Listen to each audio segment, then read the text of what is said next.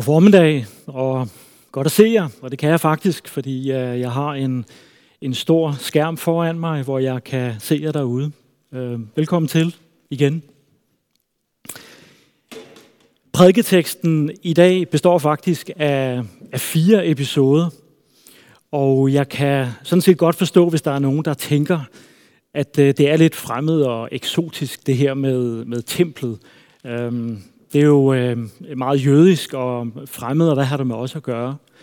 Men det siger os faktisk noget om Jesus, som jeg vil forsøge at få frem i, øh, i de fire episoder, som vi skal se på fra Matthæus 21, vers 12 til 27. Og jeg synes, vi skal begynde med at, at høre den første episode. Så gik Jesus ind på tempelpladsen og han jo alle dem ud, som solgte og købte der. Og han væltede vekselerernes borde og duehandlernes bænke, og han sagde til dem, der står skrevet, mit hus skal kaldes et bedehus, men I gør det til en røverkugle. Lad mig begynde med konklusionen. Det, der binder de fire episoder frem øh, sammen, som, som vi skal se på i dag, det er, at Jesus er kommet for at opfylde alt det, som templet symboliserede for jøderne. Og at øh, jødernes tempels tid er forbi. Jesus vil fremover selv være det tempel, hvor mennesker kan møde Gud. Intet mindre. Jeg tror, I øh, kender til det her med, at øh, der er steder, der definerer mennesker, og så er der mennesker, der definerer steder. Et af de stærkeste eksempler i nyere tid på steder, der i generationer har øh, bestemt, hvem mennesker er, bliver redefineret. Fordi det sted ikke længere fortæller en historie, som, som mennesker føler sig inkluderet i det er faktisk øh, H.C. Andersens øh, I Danmark er jeg født, der er jeg hjemme. I 1850, der skrev øh, H.C. Andersen den her nationalarv, som, som sangen jo er gået hen og blevet. Som et udtryk for den kærlighed, han havde til det sted, han var født og vokset op. Det sted, der havde defineret ham og gjort ham til det, som han var.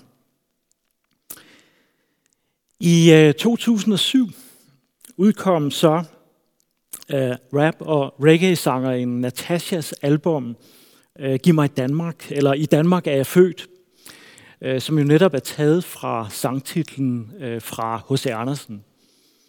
Og uh, i sangen Giv mig Danmark tilbage, der har vi jo fået et, uh, et markant udtryk uh, for uh, et nyt Danmark, et andet Danmark. Et forsøg på at øh, redefinere Danmark til at være et sted, som er anderledes. Og for Natasha handlede det jo om, at Danmark var blevet til et andet sted, end det øh, sted af mangfoldighed og blandet blod, som hun synger, øh, som hun godt kunne tænke sig. Samme år udgav Isam B. en øh, coverversion, hvis man kan kalde det det, af I Danmark er jeg født, også med et ønske om at redefinere Danmark. Denne her gang som øh, et sted, hvor der både var plads til øh, kristne og muslimer. Isam B. havde et øh, ønske om, at fortællingen om Danmark også kom til at inkludere ham som muslim. Det er præcis det her, dagens tekster handler om. I øh, næsten tusind år havde templet i Jerusalem været stedet, der bestemte alting for jøderne. Og pludselig kommer Jesus så og ombestemmer eller redefinerer templet. Men hvad er det præcis, Jesus gør? Hvad er det, Jesus ændrer ved templet? Umiddelbart så øh, handler det jo om at afkommercialisere templet. Så det første indtryk, man, man fik, når man kom ind i templet, ikke var præget af, af handel og kommers. Men som vi skal se om lidt, så handlede angrebet på vekselerernes borer og, og duehandlernes bænke øh, om noget langt større. Der er selvfølgelig et øh, økonomisk aspekt i øh, optrinnet. Arkeologiske udgravninger af Jerusalem har faktisk vist, at der var rigtig mange, der levede højt på handlen på tempelpladsen.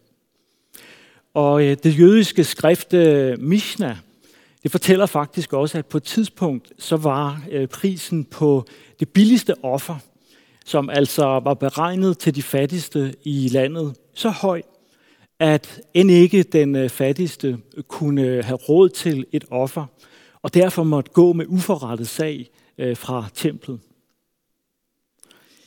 Og den økonomiske pointe er selvfølgelig, at der må aldrig på nogen som helst måde være noget økonomisk, der forhindrer mennesker i at komme til Gud.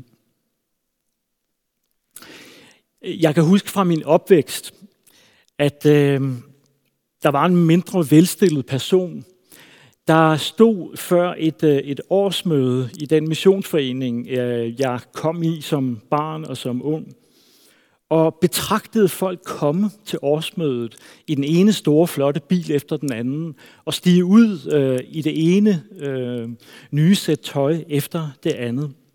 Og så bemærkede han, her kan jeg ikke være med. Her hører jeg vist ikke til. Velstand og rigdom er jo ikke i sig selv et onde. Men hvis vi bevidst eller ubevidst flasher vores rigdom og vores velstand på en måde, så mindre velstillede øh, ikke føler sig hjemme, ikke føler sig velkomne, så bliver det et onde. Et onde, som Jesus ville have reageret på på samme måde, som han gjorde på tempelpladsen dengang. Men der var også en anden måde, vekselerernes og, øh, og duehandlerne forhindrede adgangen til templet, templet. Nemlig øh, ved den kommers, altså alt det postyr og den larm, som deres handel forårsagede. Handlen foregik øh, i øh, det, der hed hedningernes forgård. Og som I kan se på modellen af, af det tempel, der var på Jesu tid, øhm, så var der en stor åben plads rundt om selve templet, hvor, hvor hedninger havde lov til at komme. Og handlen øh, foregik øh, mod syd i den her søjlegang, som I kan se til venstre i, i billedet. Men det foregik altså i øh, hedningernes forgård. Det sted, som var det tætteste ikke-jøder kunne komme for at tilbe. Noget, der altså var mere eller mindre umuligt på grund af larmen og støjen fra den her handel. Og selvom jøderne kunne gå en tak længere ind i templet for at tilbe end hedninger eller ikke-jøder, så skulle de altså igennem den her støj og det her postyr øh, for at komme dertil. Når Jesus vælter vekselerernes borer og duehandlernes bænke, så er det fordi det modarbejder alt det, som templet skulle være. Nemlig et sted, hvor der kunne blive stillhed for Gud, og hvor øh, Gud i denne stillhed kunne tale til dem. Det sted, der kunne og som fik lov til at bestemme eller definere, hvem de var. Når vi kommer til Jesus, så ønsker Jesus jo også det i ordets øh, bedste betydning at ombestemme og definere, hvem vi er. Spørgsmålet er bare, om der er så mange vekselere eller duehandlere i vores liv, så meget larm i vores komme til Jesus, at han ikke får lov til det, at han ikke kan. Måske er der nogle vekselere og duehandlere, der skal drives ud på din og min tempelplads. Øh, mine vekselere og, og duehandlere, det er, det er simpelthen de sociale medier. Øh, under covid-19-pandemien er jeg blevet lidt en uh, nyhedsjunkie, og synes, det er en kamp at, at holde min opmærksomhed fra mobilen. Ja, nu kom der jo lige et eller andet. Ikke? Øhm, den, den stjæler min opmærksomhed. Og de, der deler en af mine interesser, kender nok det her med, at når der fløjtes til haller i en fodboldkamp, så tager alle mobilen, og så sidder de og kigger på den, indtil spillerne løber på banen igen. Pointen er jo altså ikke, at vi skal øh, søge Jesus i halvlejen. Øh, så plat er det jo ikke. Men jeg tror godt, I ved, øh, hvad jeg snakker om. Nemlig, at øh, der er noget, der kan optage vores opmærksomhed så meget, at der ikke bliver tid og plads til vigtigere ting. Uden at gøre det store drama ud af det, øh, så vil jeg faktisk benytte lejligheden til at have arbejdet med den her tekst, til at afinstallere DR's, øh, TV2's, øh, Kristelig Dagblads, TV2 Bornholms nyhedsapp, og se, om det kan give lidt mere ro og stillhed. Og I er faktisk velkommen til at holde mig op på det. Egentlig så kunne det faktisk være en hjælp, hvis I gjorde det. Jeg tror, vi har brug for at, at lave nogle aftaler med hinanden, når, når vi skal gøre den her slags ting. For det er så let at, at falde tilbage igen. Så spørgsmålet er altså, er der også vekselerer og duehandlere i dit liv? Og øh, hvad er de i givet fald? Hvad er det, der larmer? så øh, du ikke kan blive stille for Gud. Kom til Jesus og lad ham definere, hvem du er, ombestemme, hvem du er, når du har brug for det. Som allerede nævnt, så handlede angrebet på vekselerernes borer og duehandlernes bænke om noget langt større. Templets fundamentale betydning den egentlige grund til, at jøder og hedninger havde brug for at komme til templet, det var jo, at det var her, deres synd blev sonet. Det skete ved, at der var en anden, nemlig et dyr, der sonede synden for dem. De mennesker, jøder som ikke-jøder, der havde brug for at komme til templet for at tilbe, de var overbevist om, at de ikke bare stod til regnskab med deres liv over for, Gud, øh, over for mennesker, øh, men også over for Gud. Og de havde brug for, at øh, straffen for deres øh, fejltrin, synd, blev sonet. Og Gud havde ordnet det sådan, at et dyr kunne dø stedfortrædende, for at de kunne gå fri. Og tilbedelsen bestod jo så i at bekende sin synd, så den symbolsk kunne lægges på dyret, der så sonede den, altså betalte straffen for den med sit liv. En soning, der på en og samme tid understreger, at al synd bliver straffet, men at der er tilgivelse at få, hvis en anden, nemlig offerdyrets liv, bærer straffen. Hvis du ikke er kristen, eller øh, hvis du er en ny kristen, så kan jeg godt forstå, at øh, det virker lidt øh, eksotisk, blodigt og Øh, måske endda barbarisk, at der hver dag var uskyldige dyr, der blev slået ihjel, slagtet for at zone synden for mennesker. Og selvom dyreoffer stadigvæk praktiseres mange steder i verden i dag, øh, så er det faktisk også stadig fremmed for mig. Men det er princippet ikke. Og jeg tror heller ikke, det er så fremmed for dig. Hver eneste dag er der masser af mennesker, der zoner deres straf i fængsel eller gennem samfundstjeneste. Og nogle steder i verden er der endda nogen, der må zone deres forbrydelser ved at betale med deres liv. Det var i princippet det samme, der skete i templet, blot i det større perspektiv, der ikke handler om, at vi står til ansvar over for hinanden, men at vi også står til ansvar over for Gud med vores liv. Og at der også for os er tilgivelse at få, hvis en anden bærer straffen i stedet for os. Det er absolut skældsættende i øh, det, Jesus gør på tempelpladsen denne dag – det er, at det ikke bare var handlen og støjen i templet, Jesus ville stoppe, men templet selv.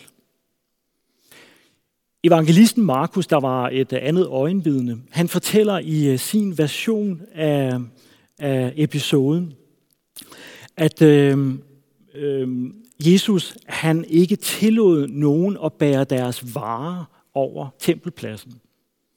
Og umiddelbart så kan man tænke, at ja, Jesus han øh, øh, blev irriteret over, at der var nogen, der skød genvej over øh, tempelpladsen med deres happengud for at komme hjem, eller hvor de nu skulle hen. Men der ligger mere i det. Det ord, der bruges om varer, skøvers, betyder faktisk også kar og remedier, der blev brugt i templet i forbindelse med offringerne. Og i så fald er der altså ikke bare en irritation over, at folk slår genvej. Det handler om. Det handler om, at Jesus stopper templet. Han sætter en stopper for offringerne. Det skulle være slut med de daglige offer, for Jesus var kommet til Jerusalem for at bringe sig selv som det offer, der en gang for alle kunne zone menneskers synd.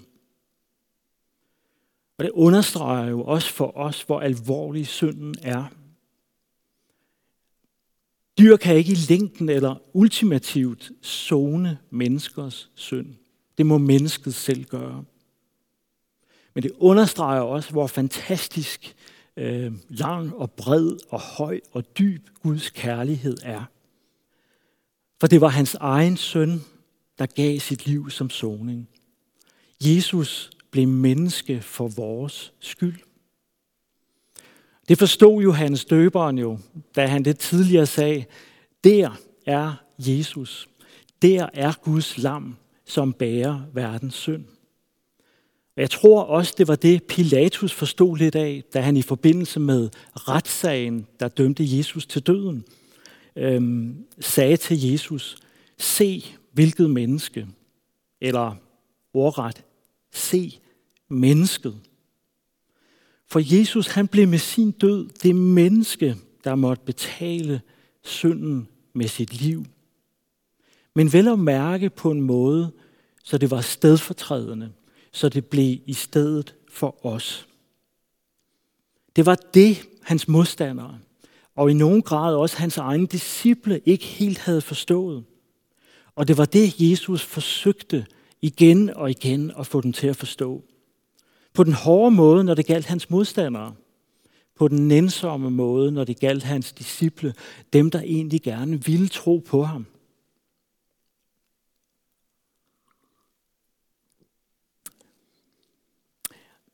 Jeg vil ikke gøre så meget ud af Jesu modstandere. Øh, når du i overført betydning er kommet til gudstjeneste i dag, så går jeg ud fra, at du er interesseret i at høre om Jesus, og måske også har et ønske om at blive kristen eller følge ham. Når det alligevel lige er værd at runde, øh, så er det jo fordi vi, der gerne vil tro på Jesus, sommetider også har brug for at høre, hvad Jesus siger til sine modstandere på den hårde måde. Samtidig er der måske endda opstået en slags modstand, bevidst eller ubevidst, i øh, vores forhold til Jesus, som gør, at det faktisk er nødvendigt for os at høre det på den måde. I de to episoder, hvor Jesus taler til sine modstandere, der handler det om, hvem der egentlig tilbeder Gud, og hvem der har den egentlige autoritet til at gøre det, som Jesus gjorde. I vers 14-17 hører vi, at øh, blinde og lamme kom til ham på tempelpladsen, og han helbredte dem. Men da ypperste præsterne og de skriftkloge så de under, han gjorde, og da de så børnene på tempelpladsen øh, råbe, Hosanna, Davids søn, blev de vrede, og de spurgte ham, hører du ikke, hvad de siger? Men Jesus svarede dem, jo, har jeg aldrig læst, at, spørg, at børns og spædes mund har du beredt dig lovsang? Og han forlod dem og gik uden for byen til Betania og overnattede der. Ypperste præsterne og de øh, lærte skriftkloge havde selvfølgelig ikke noget imod, at mennesker blev helbredt for deres sygdom. Og var det blevet ved det, havde de uden tvivl tolereret Jesus som et øh, stort og godt menneske med helbredelsens nådegave. Balladen opstod, da børnene på tempelpladsen kædede helbredelsen af de syge sammen med det, de havde hørt blive råbt til Jesus palmesøndag, da han øh, red ind i Jerusalem. Hosanna, Davids søn, eller på mundret dansk, please, Frels os, Messias. Børnene har næppe forstået meget af, hvad det var, de råbte. Men Jesus bruger børnene til at understrege over for de skriftkloge, hans modstandere, at det ikke er de største og mægtigste, det er de mindste og mest hjælpeløse, der kan give Gud den største ære. Og modstanderne forstod udmærket godt den hentydning.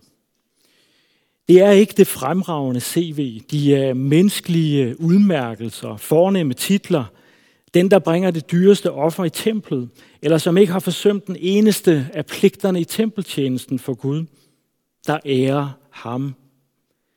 Det gør den derimod, som intet selv har at prale med eller berømme sig af, men hjælpeløst må tage imod livet som en gave fra Gud.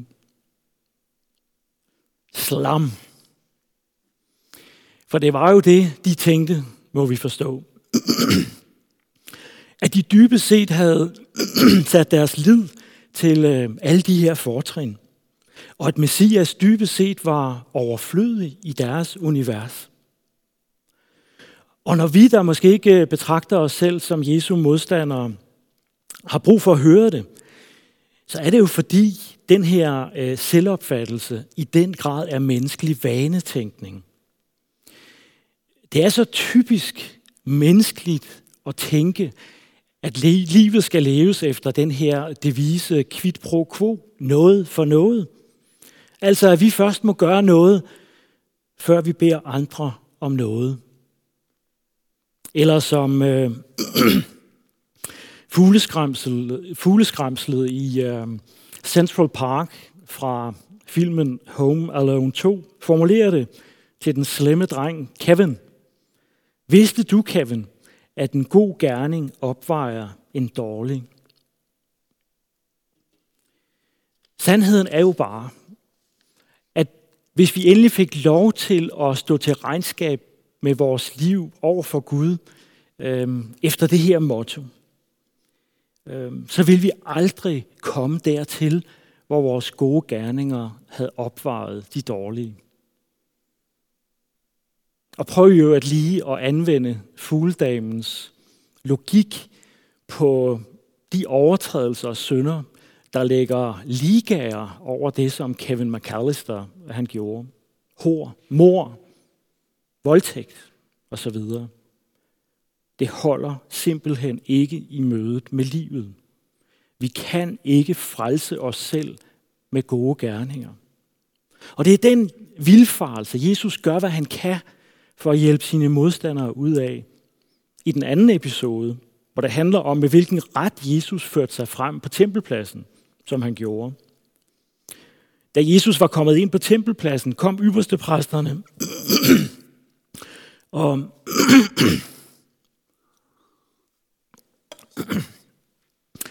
kom ypperste præsterne og folkets ældste hen til ham, mens han underviste og spurgte, med hvilken ret gør du dette? Hvem har givet dig ret til det? Jesus svarede dem, jeg vil også spørge jer om en ting, og hvis I svarer mig, så vil jeg også sige jer, med hvilken ret jeg gør dette. Johannes' dåb, altså Johannes døberens dåb, hvor kom den fra? Fra himlen eller fra mennesker? De drøftede det med hinanden. Hvis vi siger, at øh, den kommer fra himlen, vil han spørge os, hvorfor troede I ham da ikke? Men hvis vi siger fra mennesker, må vi frygte for skaren, for alle mener, at Johannes er en profet. Og de svarede Jesus, vi ved det ikke. Da sagde han til dem, så siger jeg heller ikke jer, med hvilken ret jeg gør dette. Det er jo skræmmende læsning, for det er indlysende, at der ingen vilje var til at tage konsekvensen af det, de godt kunne se var rigtigt. Nemlig at uanset om Johannes døberen kom fra himlen eller fra mennesker, så havde han sagt sandheden om deres liv. Men Jesu modstandere ønskede ikke at høre den, eller i hvert fald ikke at tage konsekvenserne af den. Og derfor tag de og fortsatte deres liv ufortrødent. Det allervigtigste er selvfølgelig, hvad du og jeg gør, når den her vanetænkning rammer os. Hvad er det, vi kommer med til Jesus, når han taler disse ord til os?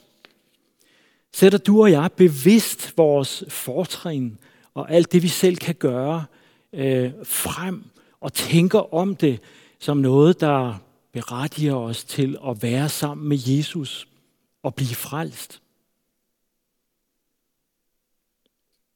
Det skal vi lade være med, er budskabet.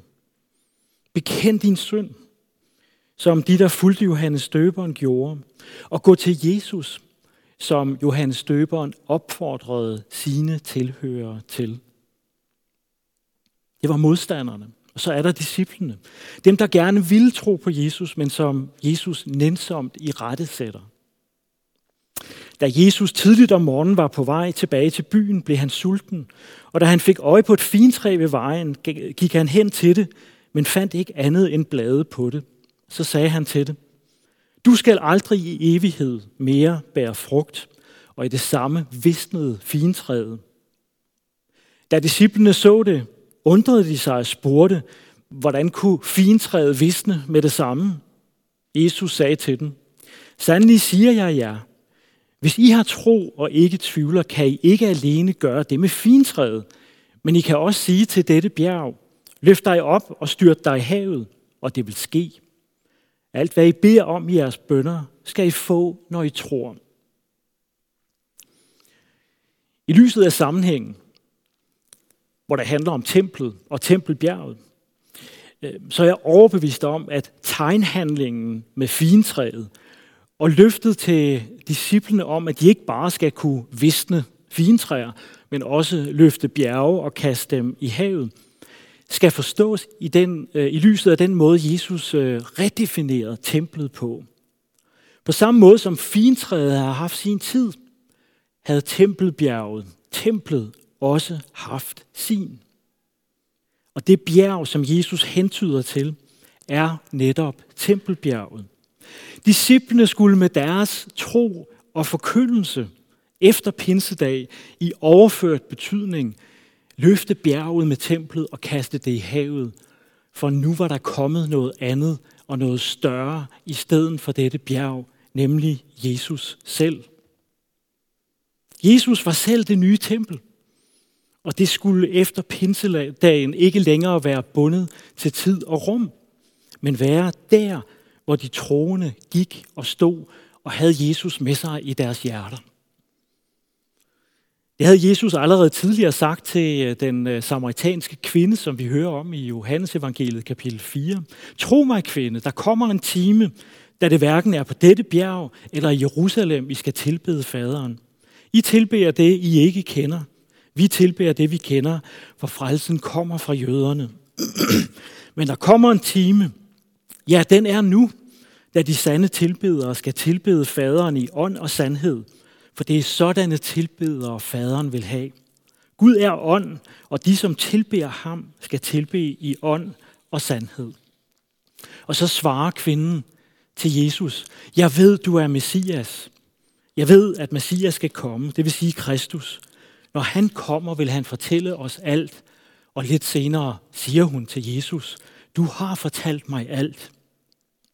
Og det var præcis disse to ting, Jesus ønskede nænsomt at vejlede sine disciple om. Og det gælder også os, der gerne vil tro på ham. Nemlig, at vi nu og alle steder kan komme til Gud, fordi Jesus er der, hvor vi påkalder hans navn. Og at det er ham, der kan fortælle os alt, og dermed også redefinere, hvem vi er.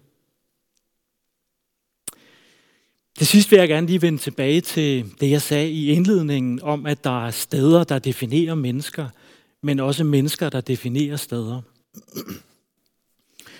Templet var, var det sted, der i mere end tusind år havde defineret jøderne. Det, at de var et syndigt folk, det kunne de læse om derhjemme i landsbyen. Eller konkludere på baggrund af deres eget liv, hvis de havde selvindsigt nok og var ærlige nok omkring, hvem de var. Men at de var et tilgivet folk, det måtte de til templet i Jerusalem for at erfare. For her var den eneste mulighed for, at deres synd kunne blive sonet stedfortrædende i stedet for dem selv. At Jesus er templet betyder, at han virkelig er alt dette. Og at alt dette er virkelighed, der hvor Jesus er. Spørgsmålet er, hvad det betyder for dig. Jeg må slutte med et par spørgsmål, som jeg håber, du vil tage med dig ind i den kommende uge som en udfordring, der kan forandre både dig og dem, du er sammen med. På samme måde som Jesus' ord forandrede disciplene. Og tro mig, hvis du læser videre om disciplene i uh, Matteus evangeliet og apostlenes gerninger, så vil du uh, se, hvordan det fik betydning for tusinder af mennesker, og måske også er den egentlige grund til, at vi står her i dag og holder gudstjeneste. Men tilbage til spørgsmålene. Definerer Jesus dig? Prøv lige at tænke, hvor afgørende spørgsmålet er. At du og jeg er syndere, det ved vi alt for godt.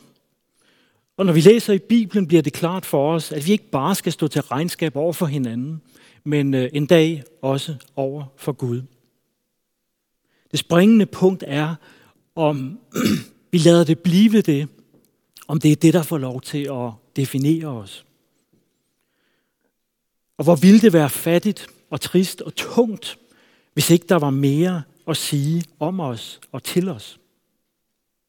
Men at Jesus er templet, det betyder, at der er mere at sige. Det betyder, at du kan gå den kommende uge i møde ved at komme til ham i bekendelsen af dine sønder, men også i modtagelsen af hans fuldkommende stedfortrædende offer. Det betyder, at du kan begynde ugen, og du kan fortsætte ugen som en tilgivet sønder. Og det at komme til Jesus er så enkelt. Det handler bare, det handler bare om at sige til ham, Jesus, tilgiv mig. Og så er der andet spørgsmål. Hvad betyder det for de steder, du kommer til at være den kommende uge? Jesus øh, redefinerede templet til ikke længere at være et særligt sted i tid og rum, men til at være der, hvor Jesus er. Og der, hvor Jesus er, bliver mennesker konfronteret med og udfordret af, hvem Jesus er.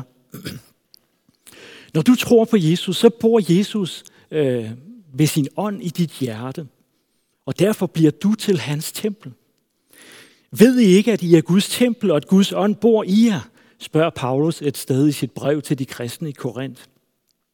Og det betyder, at der hvor du er, vil mennesker blive konfronteret med og udfordret af Jesus i det omfang, det kan mærkes på dig, at han er dit tempel, og du er hans. Tag derfor med dig ind i den kommende uge, at når du tager på arbejde, i skole eller øh, møder mennesker andre steder, så har du mulighed for at ændre deres liv lige så meget, som det har ændret dit liv, at Jesus er blevet templet. Og det kan du gøre på lige så mange forskellige måder, som Jesus gjorde det. Og derfor er det jo også så, så vigtigt og godt og hjælpsomt at lære Jesus bedre at kende. For det gør dig og mig i stand til begge dele. Både at bede om hans tilgivelse, men også at se, hvordan vi kan være hans tempel over for de mennesker, de steder, vi får lov til at redefinere. Guds velsignelse i det i den kommende uge. Lad os bede en bøn.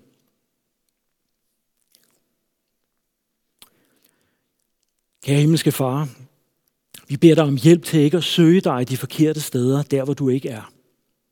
Men vi takker dig også for, at du har gjort det enkelt for os at finde dig.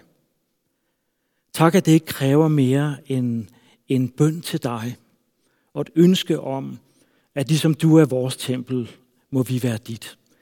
Det beder vi dig om helt konkret og praktisk hjælp til at udfolde i den kommende uge, der hvor vi er. Amen.